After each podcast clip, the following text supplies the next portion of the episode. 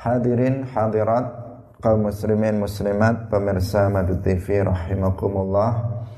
Alhamdulillah pagi hari ini Allah Subhanahu wa taala melimpahkan nikmat-nikmatnya kepada kita semuanya. Nikmat kesehatan nikmat iman Islam taufik sehingga pagi hari ini kita kembali bisa bersama dalam majelis mulia, majelis ilmu din, majelis ilmu agama. Semoga Allah Subhanahu wa taala memberikan ilmu yang bermanfaat, barokah fid dunya wal akhirah. Amin ya rabbal alamin. Salawat dan salam semoga tetap terlimpahkan kepada Nabi Agung, Nabi Muhammad, para sahabatnya, para keluarganya, serta seluruh umat Islam yang mengikuti beliau ila yaumil qiyamah. Hadirin hadirat rahimakumullah.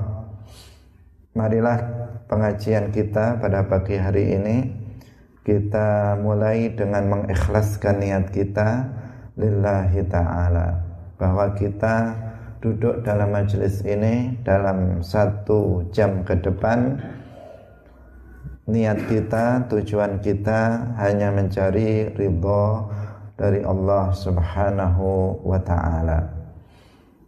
Tidak berniat untuk mencari ridho manusia, untuk mencari pujian manusia, bukan untuk mencari penghormatan, balasan dari manusia, tetapi semata-mata mencari ridho dari Allah Subhanahu wa taala hanya amal ibadah yang dilakukan dengan ikhlas yang akan diterima dan berpahala indallah.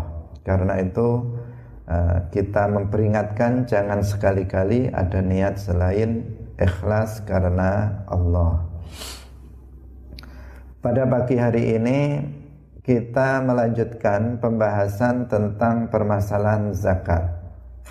Telah kita jelaskan kemarin bahwa zakat adalah salah satu jenis ibadah yang telah ditentukan oleh syarak peraturan-peraturannya, aturan-aturannya. Kemarin telah kita bahas tentang al-mal al-zakawi, harta-harta yang wajib dikeluarkan zakatnya. Ternyata tidak seluruh harta itu wajib dikeluarkan zakatnya. Tetapi hanya harta-harta tertentu yang telah ditentukan oleh syarak yang wajib untuk dikeluarkan zakatnya. Pada hari ini kita akan membahas tentang masalah nisab yaitu batas minimal sebuah harta itu wajib untuk dikeluarkan zakatnya. Mari kita baca terlebih dahulu. Qala al-muallif rahimahullahu taala wa awwalu nisabil ibili khamsun. Wa awwalu nisabil ibili lan utawi kawitane nisabe unta iku khamsun limo wa minal baqari lan sangking lan iku sangking sapi salasuna utawi telung puluh. Wa minal ghanami lan iku sangking uh, lan iku sangking wedus arbauna utawi petang puluh. Fala zakata mongko ora ana zakat iku maujud qabla zalika ing dalem sadurunge mangkono-mangkono khamsun salasun arbaun wala buddha lan ora kena ora minal hauli sangking haul. Ba'da dzalika ing dalem sause nisab. Wala buddha lan ora kena ora minas saumi sangking saum. Dan engon fi kalain ing dalem uh, fi kalain ing dalem nggon uh, ing dalam gon pengangon mubahin kang mubah. Wa an wa an la takuna lan yanto ora ono wa alla wa alla takuna lan yanto ora ono apa? Binatang ternak iku amilatan kang kerja. Fayajibu mongko wajib fi kulli khamsin ing dalam saben-saben limo minal ibili sangking unta apa syatun kambing suici? Wa fi arba'ina lan ing dalam petang puluh minal ghanami sangking. Wedus apa syatun? Apa syatun? Wedus jazaatu dha'nin Au saniyatu ma'zin utawa saniyatu ma'zin. Nanti kita jelaskan pengertiannya. Wa fi kulli salasina lan ing dalem saben-saben telung puluh minal baqari sangking sapi apa tabi'on tabi'a. Summa in zadat nuli lamun tambah apa masyiyatuhu binatang ternake wong ala dzalika ing atase mangkono-mangkono wilangan fa fi dzalika zaidi mongko iku ing dalem mangkono-mangkono tambahan wa yajibulan wajib apa ayat ta'allama yen to belajar? Sapa wong ma ing barang aujabahu kang wis majibaken ing uh, ing ma sapa Allah Gusti Allah taala halih maha luhur sapa Allah alaihi ing atase wong. Hadirin hadirat rahimakumullah Pada pagi hari ini kita menjelaskan tentang nisab binatang ternak. Telah kita jelaskan sebelumnya bahwa binatang ternak yang wajib dikeluarkan zakatnya jika telah memenuhi ketentuan-ketentuan tertentu itu ada tiga saja. Yaitu yang pertama unta, yang kedua adalah sapi termasuk kerbau di sini, kemudian yang ketiga adalah kambing. Tiga saja. Nah, selain tiga binatang ternak ini, misalnya ayam, misalnya puyuh, misalnya bebek, misalnya berternak mentok, misalnya, nah, maka ini tidak wajib dikeluarkan zakatnya meskipun hasilnya lebih besar dibandingkan dengan beternak kambing. Seandainya jumlahnya karena saking banyaknya sehingga melebihi hasil dari beternak tiga binatang ternak ini maka tetap tidak wajib dikeluarkan zakatnya. Hadirin hadirat rahimakumullah. Nah, kapan unta, sapi atau kambing itu diwajibkan untuk mengeluarkan zakatnya? Ada ketentuan-ketentuan. Tidak setiap orang beternak unta langsung wajib mengeluarkan zakat. Tidak setiap sapi orang beternak sapi kemudian dia wajib mengeluarkan zakat. Tidak.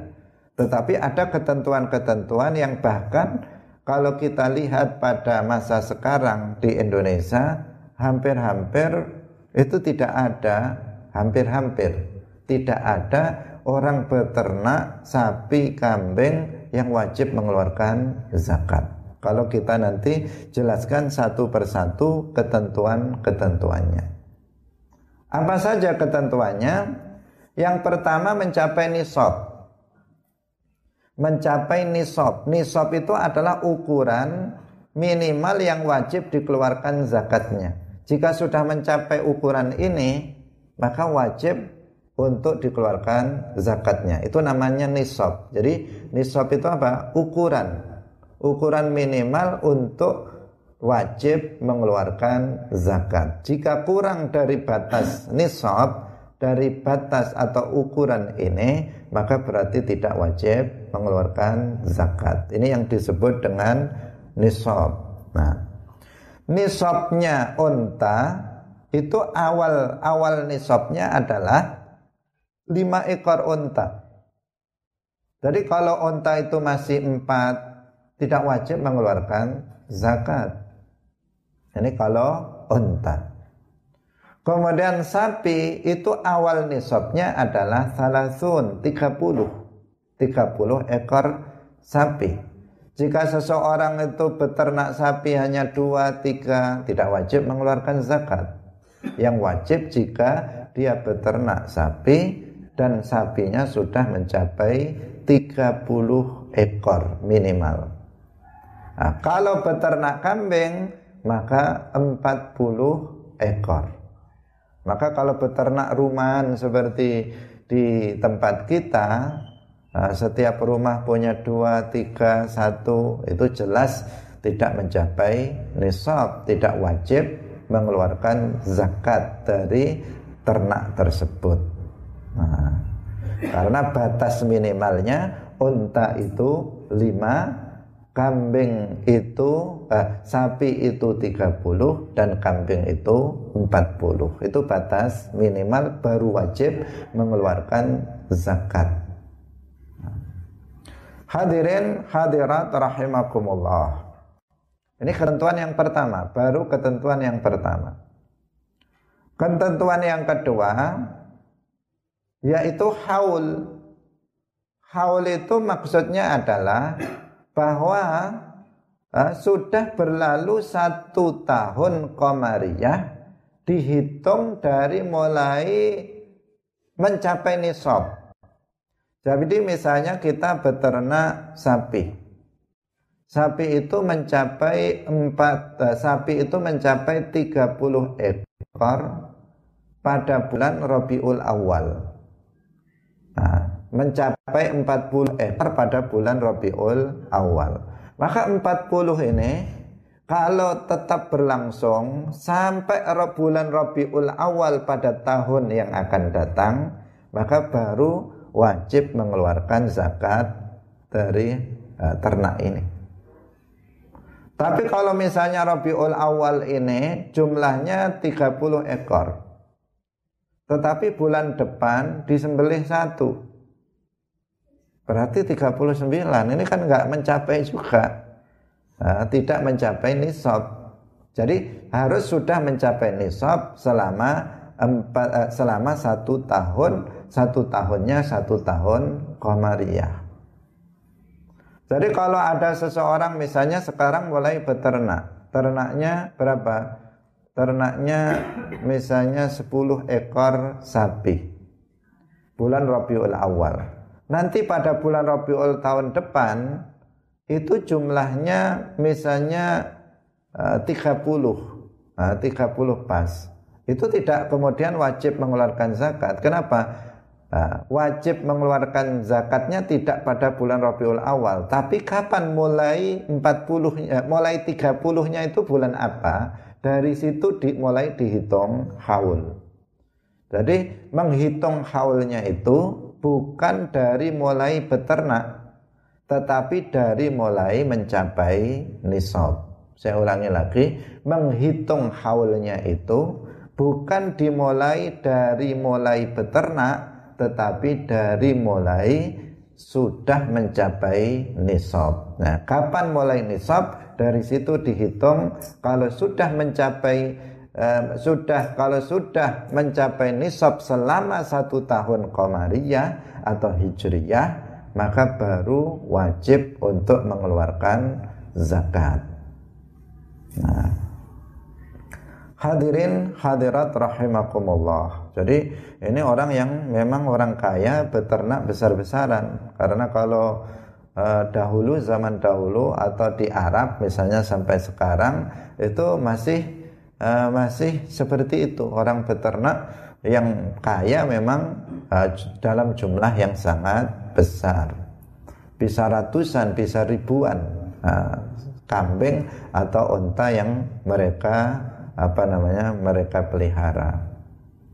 Hadirin hadirat rahimakumullah. Ini syarat yang kedua. Syarat yang ketiga, binatang ternak tersebut digembalakan di padang rumput milik umum yang disebut dengan kalain mubah yaitu dikembalakan di padang rumput milik umum. Nah, yang yang syarat yang ketiga ini hampir-hampir kalau di Indonesia ini sulit untuk dipenuhi.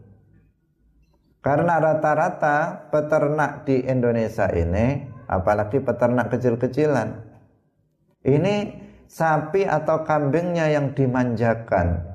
Nah, disuruh di rumah saja, nah, orangnya yang mencari rumput ke sawah, nah, mencari makanan untuk kambing atau uh, sapi itu. Nah, cukup sapinya duduk manis menunggu di rumah menunggu makanan. Nah, berarti kan tidak digembalakan. Nah, tidak digembalakan tetapi pemiliknya yang mencari makanan untuk sapi atau kambing itu. Nah, kalau beternak model seperti ini maka tidak wajib mengeluarkan zakatnya. Nah, jadi beternak yang wajib mengeluarkan zakat itu apabila ternaknya itu digembalakan jadi diantar oleh pemiliknya ke padang rumput. Ada padang rumput yang itu bukan milik pribadi. Padang rumput itu adalah milik umum. Semua orang boleh untuk menggembalakan kambing sapi atau untanya di situ. Nah, diantarkan ke sana untuk kemudian apa namanya dia makan dari padang rumput tersebut. Nah, digembalakan. Nah, ini kalau di tempat kita padang rumputnya saja susah carinya. Nah, memang rumput hijau banyak, tetapi rata-rata sudah milik pribadi. Sudah milik orang, bukan milik umum. Kalau di Arab di Timur Tengah masih dimungkinkan. Kita melihat di sana di di padang-padang pasir yang ada sedikit-sedikit rumput itu banyak onta berkeliaran.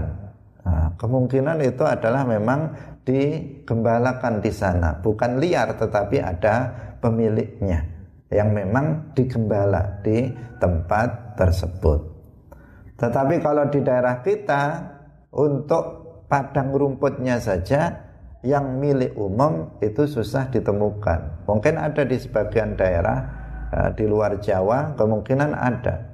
Nah, jadi ketentuannya seperti itu, digembalakan di padang rumput milik umum yang namanya kalain mubah. Siapa saja boleh mengembala di situ.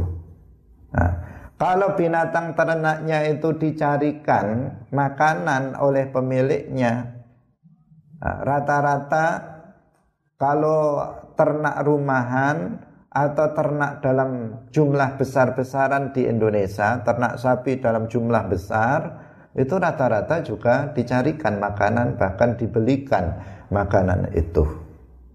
Nah, karena itu beternak yang seperti itu nggak ada zakatnya, nah, tidak ada zakatnya. Meskipun dalam jumlah yang sangat besar.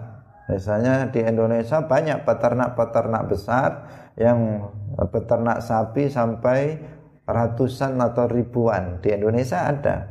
Tetapi apa? Tetapi rata-rata mereka tidak digembalakan di padang rumput yang mubah.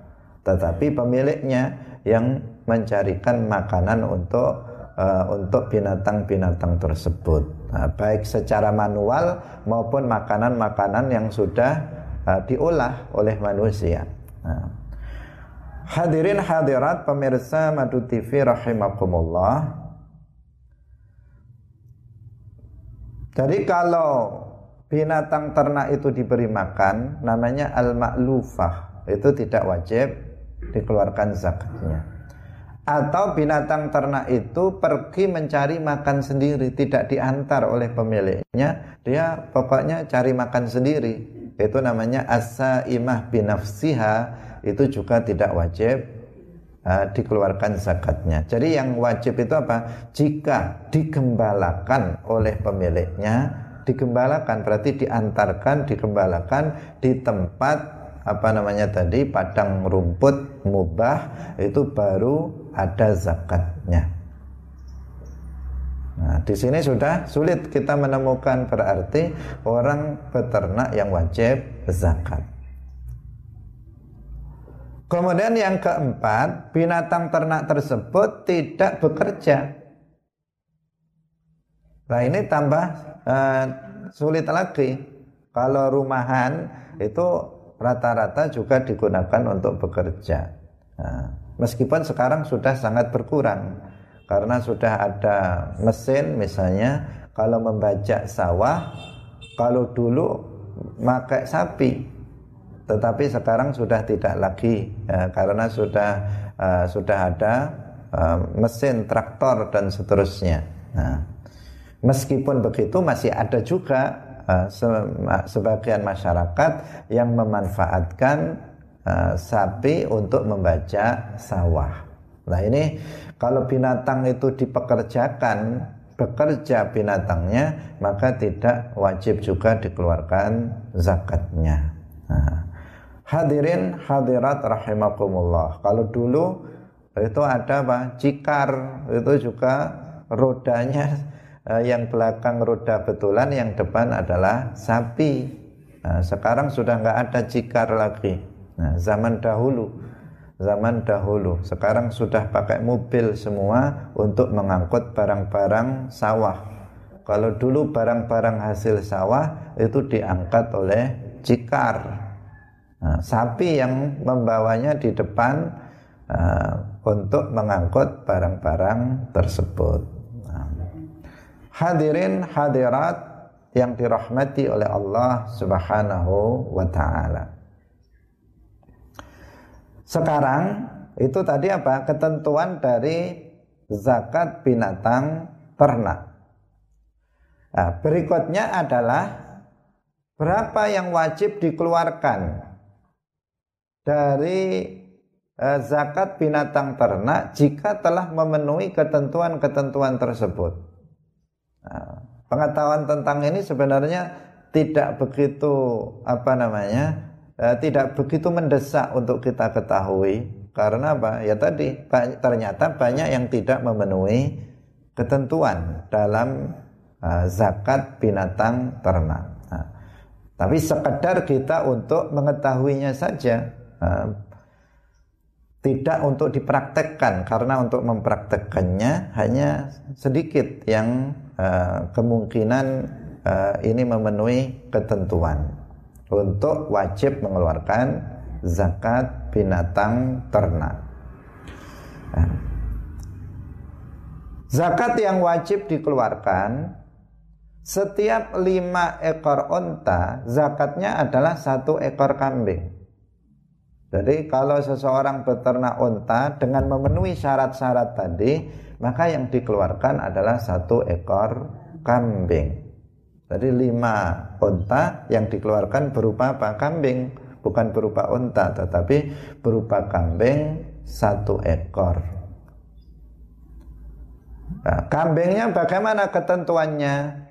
Kambing yang dikeluarkan yaitu berupa domba yang genap berumur satu tahun domba domba itu berarti gibas itu nah, kambing gibas berumur satu tahun atau gugur gigi-giginya bagian depan poel jadi jadi umurnya kalau kambing gibas umurnya sudah satu tahun itu yang dikeluarkan untuk zakat unta tadi Nah, jadi kambing kibas sudah berumur satu tahun atau gigi depannya sudah tanggal, namanya sudah poel. Dalam bahasa Jawa sudah poel. Atau kambing Jawa, kambing Jawa berarti kambing biasa itu yang bukan kibas, kambing kambing kacangan. Nah, itu yang berumur dua tahun, yang berumur dua tahun. Ini sama dengan apa ketika berkurban dalam kurban ah, binatang atau ah, kambing yang bisa memenuhi syarat untuk disembelih sebagai kurban itu kan syarat umurnya juga begitu. Kalau kambing biasa artinya kambing Jawa itu dua tahun komariah hitungannya adalah komariah karena setiap kali kita bilang tahun, setiap kita bilang bulan dalam syarat, maka yang dimaksud adalah apa? Komariah atau Hijriyah. Sama sekali kita nggak berbicara tentang Januari, Februari, Maret, April. sama sekali tidak bicara seperti itu jika kita dalam kajian ilmu-ilmu syarak. Ketika kita bilang tahun, maka yang dimaksud adalah tahun Qamariyah. Jika kita mengatakan bulan, maka yang dimaksud adalah bulan Qamariyah. Jika kita mengatakan hari, maka yang dimaksud adalah hari menurut Qamariyah. Kalau kita bilang malam, maka malam menurut hitungan Qamariyah. Karena berbeda. Kalau kita hari itu kan uh, siang itu ya tanggal itu kan perhitungannya, perubahannya adalah mulai maghrib. Jadi kalau misalnya sekarang, uh, sekarang ini ya hari apa ini? Hari Sabtu. Nanti habis maghrib itu hari Ahad, sudah hari Ahad. Makanya dibilang nanti itu malam ahad Karena memang sudah ahad Pokoknya begitu maghrib berarti sudah ahad Tapi kalau kalender umum Ahadnya kapan? Tengah malam Nanti tengah malam itu apa? Baru ahad masuk masuk hari ahad nah. Tapi meskipun begitu Anak-anak muda masih Sabtu sudah dia ahatan sudah mingguan mereka malam mingguan. Padahal masih Sabtu itu sebenarnya kalau dalam hukum dalam hukum apa namanya dalam ketentuan uh, hijriyah nah, hijriyahnya itu makanya kalau kita pergantian tahun itu adalah maghrib.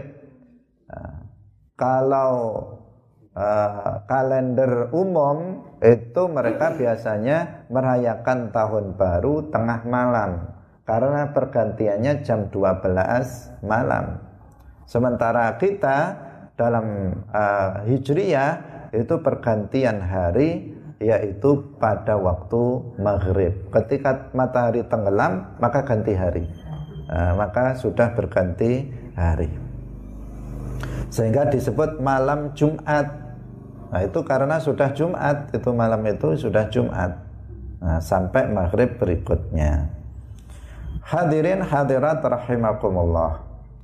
Jadi uh, sebagaimana dalam kurban yang dikeluarkan zakat untuk lima ekor unta itu kalau gibas maka umurnya satu tahun atau belum satu tahun lewat dari enam bulan tetapi sudah puel kalau dalam apa namanya kambing Jawa maka umurnya sudah dua tahun komariyah. Nah, itu ketentuannya. Ini harus diperhatikan juga dalam seseorang ketika berkurban. Ukuran poel itu hanya ada pada gibas, nah, tidak ada pada kambing Jawa. Kalau kambing Jawa itu harus dua tahun. Nah, harus dua tahun baru bisa dijadikan sebagai kurban. Yang berikutnya untuk kambing. Kambing tadi dikatakan nisabnya adalah 40 ekor kambing. Nah, yang dikeluarkan apa? Kalau seseorang sudah mencapai 40 ekor kambing, berarti mencapai nisab dan sudah satu tahun dengan dengan apa ketentuan yang tadi itu maka zakatnya adalah satu ekor jazaah atau saniyatu ma'zin. Jazaah adalah domba berumur satu tahun atau telah gugur gigi depannya. Sama dengan tadi itu. Sama dengan yang tadi yaitu domba kambing dibas yang putih yang bulunya tebal itu berumur satu tahun atau telah gugur gigi depannya yang disebut tadi apa? Poel sudah poel.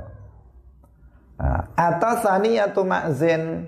Saniyatu ma'zin itu artinya kambing Jawa betina berumur dua tahun. Itu namanya saniyatu ma'zin. Sudah berumur dua tahun Nah, ini yang wajib dikeluarkan. Jadi ada ketentuannya. Nah, kambingnya sekian yang dikeluarkan uh, adalah ini. Enggak enggak asal mengeluarkan, tetapi ada ukuran uh, yang apa zakat yang dikeluarkan. Kemudian yang berikutnya adalah sapi. Sapi tadi kita katakan nisabnya adalah 30 ekor. 30 ekor sapi. Nah, zakat yang dikeluarkan apa? Yaitu satu ekor tabi'a. Nah, artinya adalah anak sapi jantan berumur satu tahun. Pedet umur satu tahun itu yang dikeluarkan dari 30 ekor sapi. Nah, dikatakan tabi karena tabi itu artinya mengikut karena pedet umur segitu itu masih ikut induknya ikut induknya ke mana saja dia ngikut saja itu sehingga disebut tabiah yaitu pedet berumur satu tahun nah, tapi sudah agak besar satu tahun itu uh, sudah agak besar. Itulah yang dikeluarkan dari 30 ekor sapi. Nah, kalau seandainya seseorang itu memiliki binatang ternak melebihi dari jumlah itu. Misalnya dia memiliki binatang ternak 6 ekor unta, 7 ekor unta. Maka di sini bagaimana? Jawabannya hanya wajib dikeluarkan yang lima. Ini untuk binatang ternak begitu. Berbeda nanti dengan apa namanya pertanian dengan buah-buahan nanti berbeda. Kalau binatang ternak jumlah di antara kelipatan kelipatan yang wajib dikeluarkan zakatnya itu dimaafkan, tidak ada zakatnya. Jadi kalau misalnya unta 5, 10, 15. Nah, maka kalau memiliki 10 baru ada zakat dua kali lipat. Tetapi kalau dia memiliki 6, 7, 8 maka hitungannya adalah 5. Kalau seseorang memiliki misalnya 11, 12 unta misalnya maka hitungannya adalah 10. Bisa dipahami? Jadi hitungannya adalah kelipatan ini, bukan hitungannya uh, kemudian langsung berubah ketika 6 atau 7 8 unta. Demikian juga misalnya kambing 40. Kalau seseorang memiliki 45 atau misalnya memiliki 50, maka hitungannya berapa? 40, bukan 50. Kalau dia memiliki 80 baru dua kali dua kali lipat. Tetapi kalau masih uh, masih kurang dari kelipatan 40 maka itu masih dimaafkan di antara itu yang wajib dikeluarkan adalah uh, 40-nya. Untuk binatang ternak begitu. Demikian juga sapi. Kalau misalnya sapi itu 30 seseorang memiliki 35 seseorang memiliki 40 sapi maka hitungannya adalah 30 kalau dia sudah memiliki 60 sapi baru dilipatkan yang dikeluarkan itu baru dilipatkan tetapi jika masih berada di antara uh, dua ke satu kelipatan tersebut maka itu dihitung uh, nisab awal uh, nisab yang sebelumnya. Jika misalnya seseorang memiliki sapi itu 65, 70 maka dihitung 60. Jika seseorang memiliki kambing itu 80 atau 90 misalnya, maka dihitung 80. Begitu seterusnya. Nah, di sini ada ketentuan-ketentuan lain. Apa yang dikeluarkan jika 60 ekor sapi? Apa yang dikeluarkan jika seseorang memiliki misalnya berapa? 90 ekor sapi. Apa yang dikeluarkan seandainya seseorang memiliki 80 kambing, memiliki 120 kambing. Yang dikeluarkan itu berupa apa? Itu ada ada ketentuannya. Kalau tadi itu jaza'atu dha'nin kemudian saniyatu ma'zin Apakah kalau seseorang itu memiliki 80 ekor kambing kemudian tetap jenisnya itu saniyatu ma'zin atau jada'atu dha'nin nah, belum tentu. Nah, karena itu uh, dikatakan mu'alif di sini mengatakan in zadat masyiyatuhu ala dzalika fa fi zaid wa yajibu ayyata'allama ma aujabahu Allah taala alaihi. Jika seseorang memiliki memiliki lebih dari itu, misalnya tadi memiliki da, lebih dari lima, tapi punya sepuluh, punya dua puluh ekor onta. Seseorang memiliki sapi enam puluh, memiliki sapi berapa tadi? Sembilan puluh, memiliki kambing 80, 120 dan seterusnya, maka dia harus belajar. Nah, belajar lebih rinci dari yang kita pelajari hari ini. Karena kita yang kita pelajari di sini hanya awal nisab. Awal nisab itu yang kita pelajari. Secara yang lebih dari itu itu ada penjelasannya dalam kitab-kitab yang lebih besar. Kapan kita mempelajarinya? Ya, kalau kita sudah uh, memiliki binatang ternak sebanyak ini lebih dari itu, maka kita pelajari lebih lanjut lagi. Nah. Hadirin, hadirat yang dirahmati oleh Allah Subhanahu wa taala. Inilah ketentuan-ketentuan dalam zakat binatang ternak. Sehingga kalau kita melihat dari ketentuan-ketentuan yang tadi sudah kita sebutkan, maka sedikit orang yang telah memenuhi ketentuan uh, wajib untuk mengeluarkan zakat uh, al-an'am binatang ternak. Kita lanjutkan kembali. Sekarang kita beralih pada zakat tanaman dan buah-buahan.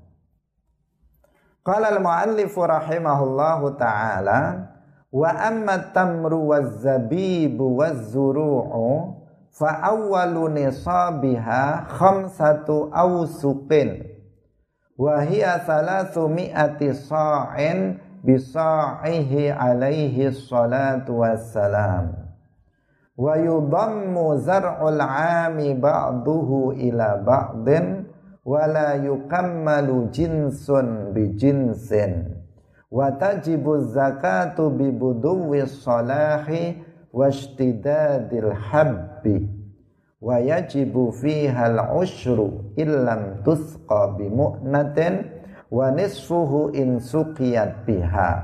Wa ma zada 'ala nisabi ukhrija minhu bi qistihi fala wala zakata fi madunan nisabi illa ayyatatawwa'a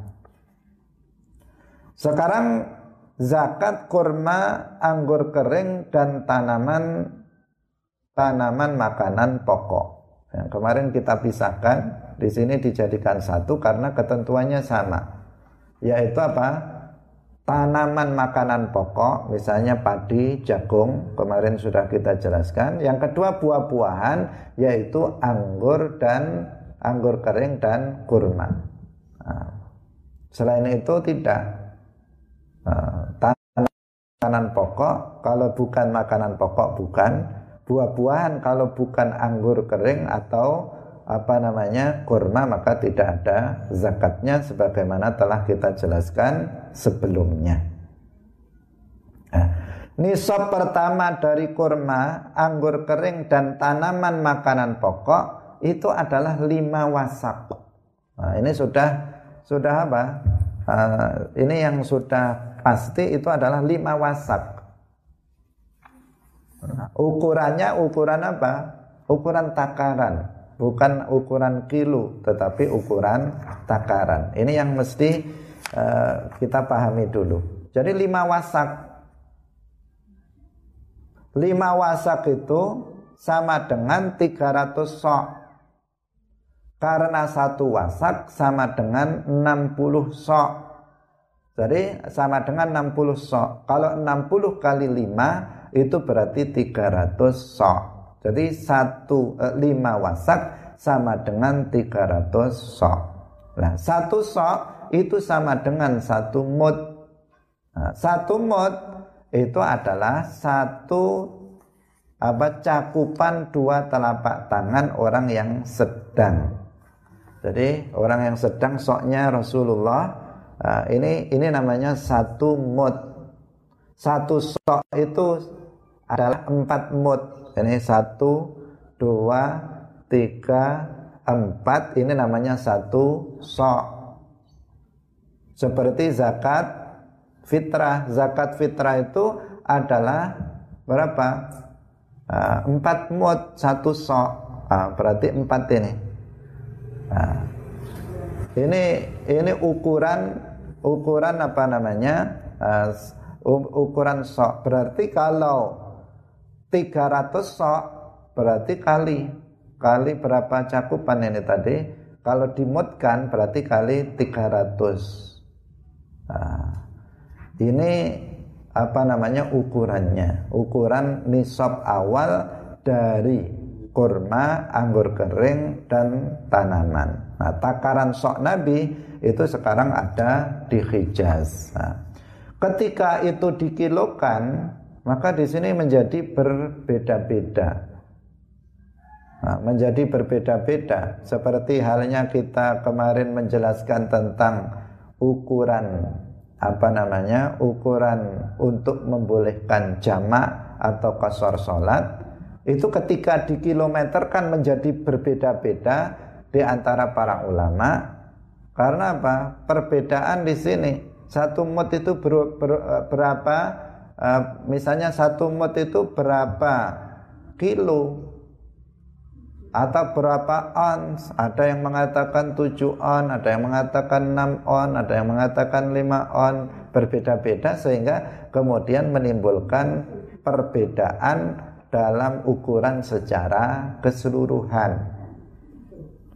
Nah, dalam hal ini ada yang mengatakan, sebagian ulama mengatakan kalau beras, karena ukuran aslinya itu kan bukan bukan apa namanya timbangan, tetapi ukuran aslinya itu apa takaran. So itu takaran, takaran begini. Takaran itu kan beda-beda. Misalnya yang saya yang saya taruh di telapak tangan ini batu. Saya taruh kemudian ditimbang. Kemudian satu lagi yang saya taruh di sini beras, kemudian ditimbang. Ditimbang sama nggak ukurannya? Ya nggak sama. Yang satu isinya batu, yang satu isinya berat, yang satu isinya ringan. Ketika ditimbang, ya jelas berbeda. Karena itu wajar kalau kemudian terjadi perbedaan pendapat tentang ukuran ukuran apanya? Ukuran timbangannya itu berbeda.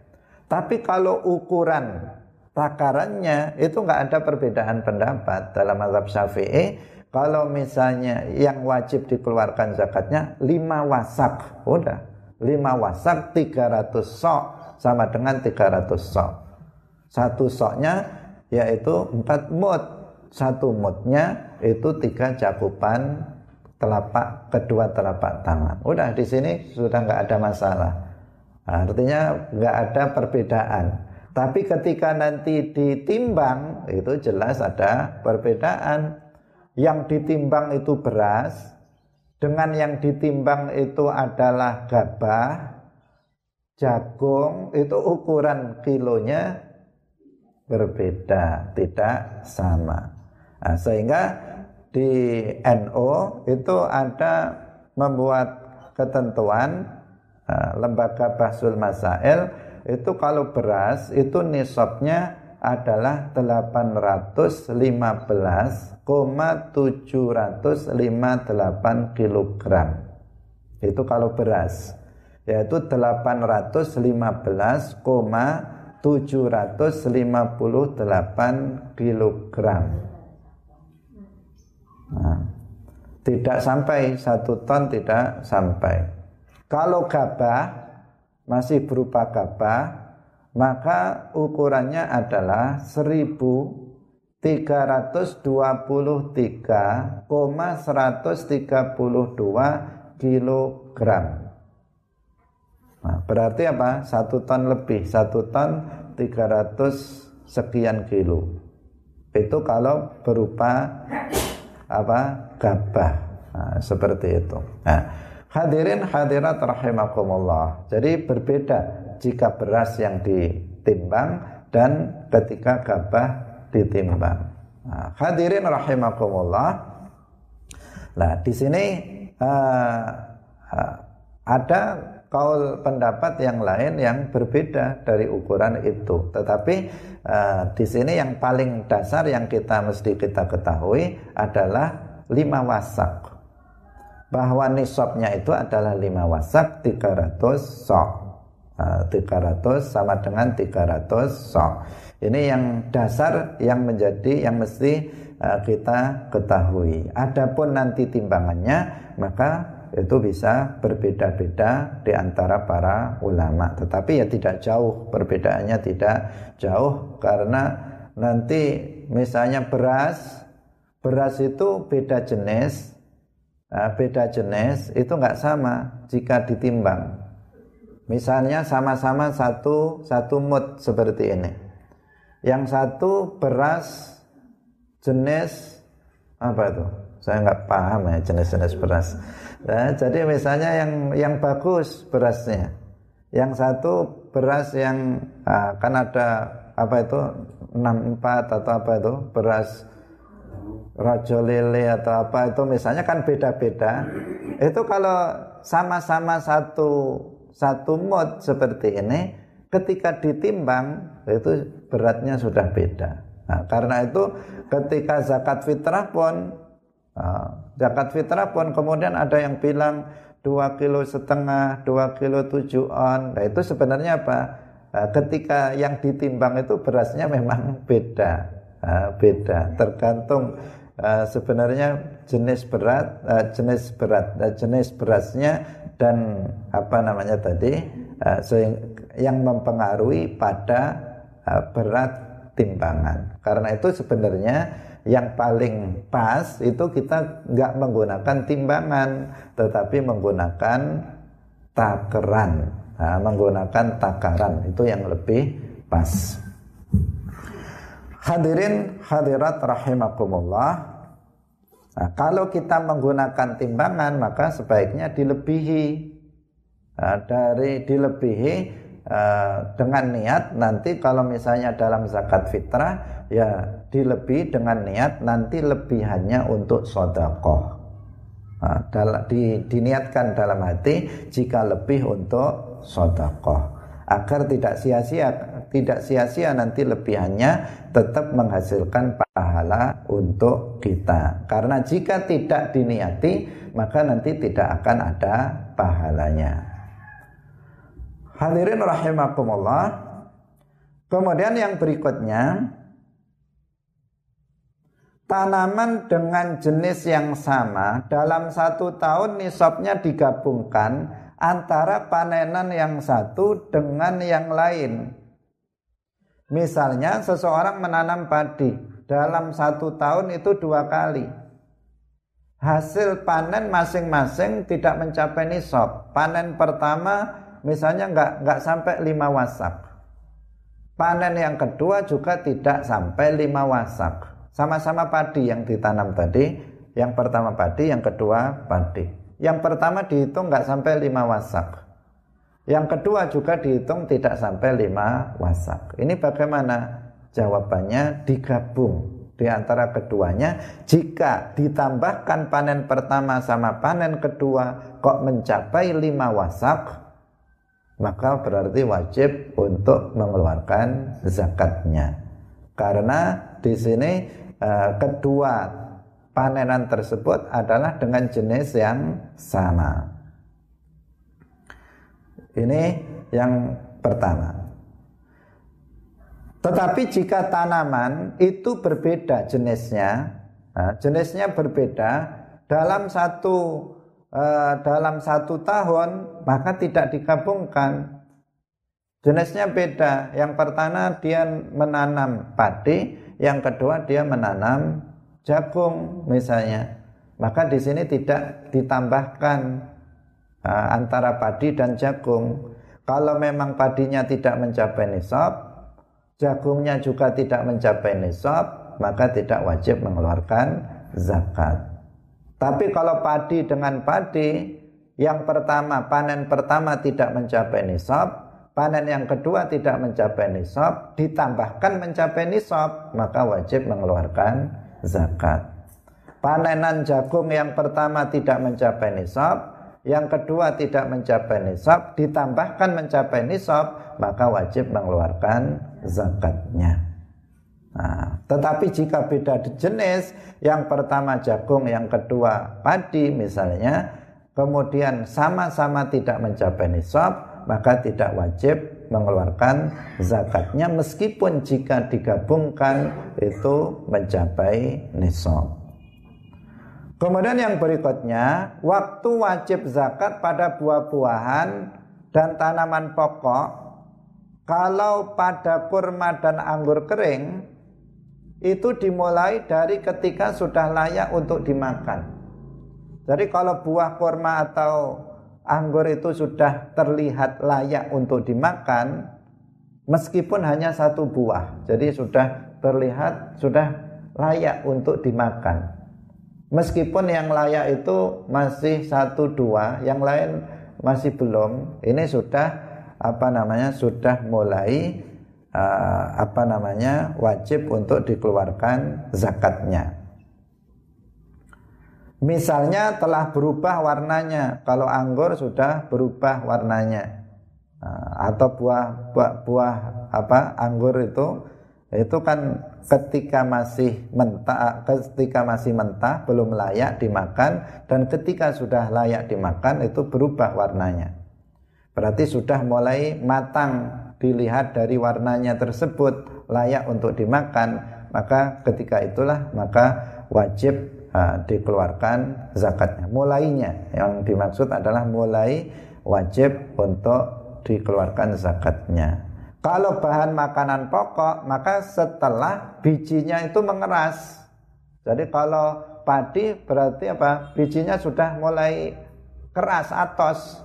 Itu berarti sudah uh, sudah uh, dikatakan uh, mulai wajib untuk dikeluarkan zakatnya. Kalau masih misalnya uh, belum layak dimakan, kemudian dipanen duluan, atau misalnya masih uh, masih lunak, kalau misalnya padi itu belum keras bijinya, kok dipanen misalnya, ya tidak wajib dikeluarkan zakatnya karena nggak bisa dimakan. Itu nanti ya dimakan oleh sapi misalnya. Maka itu tidak dikeluarkan zakatnya. Tidak sah mengeluarkan zakat kurma dan anggur kering kecuali setelah kering. Jadi yang dikeluarkan itu setelah kering. Dan tanaman itu setelah dibersihkan dari tangkai dan semacamnya. Nah, jadi kalau padi misalnya sudah dibersihkan dari tangkainya itu. Nah, tadi bisa berupa sudah berupa beras atau uh, yang sudah dibersihkan. Hadirin rahimakumullah. Kemudian zakat dari kurma, anggur kering dan tanaman makanan pokok itu berapa yang dikeluarkan itu melihat dari sisi pengairannya.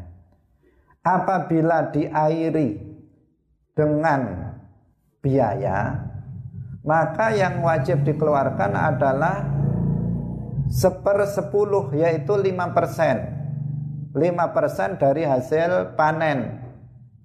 Itu apa? Jika diairi dengan biaya. Jadi airnya beli. Maka di sini 5% yang dikeluarkan atau setengah dari sepersepuluh. Setengah dari sepersepuluh artinya 5%. Ini jika apa? Dengan biaya. Tetapi jika pengairannya itu tanpa biaya, tanpa biaya maka 10% misalnya pakai air hujan atau air sungai uh, tadah hujan dia tidak beli air untuk untuk uh, untuk tanaman tersebut maka 10%. Jika dengan biaya maka 5% yang dikeluarkan zakatnya. Nah, hadirin rahimakumullah uh, dalam zakat ini maka lebihannya itu dihitung. Misalnya uh, dia terdiri dari 6 wasak misalnya. Ya langsung dipersenkan. Di di, yang dikeluarkan adalah 5% dari 6 wasak. Misalnya 7 wasak. Maka berarti ya 5% dari 7 wasak itu. Jadi semuanya dihitung uh, semuanya dihitung dipresentasikan berbeda dengan binatang ternak tadi yang dia setelah kelipatan baru nambah tetapi jika untuk tanaman pokok dan buah-buahan ini tidak. Nah, yang tambah dari itu meskipun sedikit itu ikut dikeluarkan, nah, dipresentasi, dipresentasikan nah, berapa yang dikeluarkan dari jumlah tersebut. Nah, saya kira sampai di sini waktunya sudah habis. Semoga bermanfaat. Barakallahu fikum wallahu muwaffiq ila aqwamit thariq. Wassalamualaikum warahmatullahi wabarakatuh.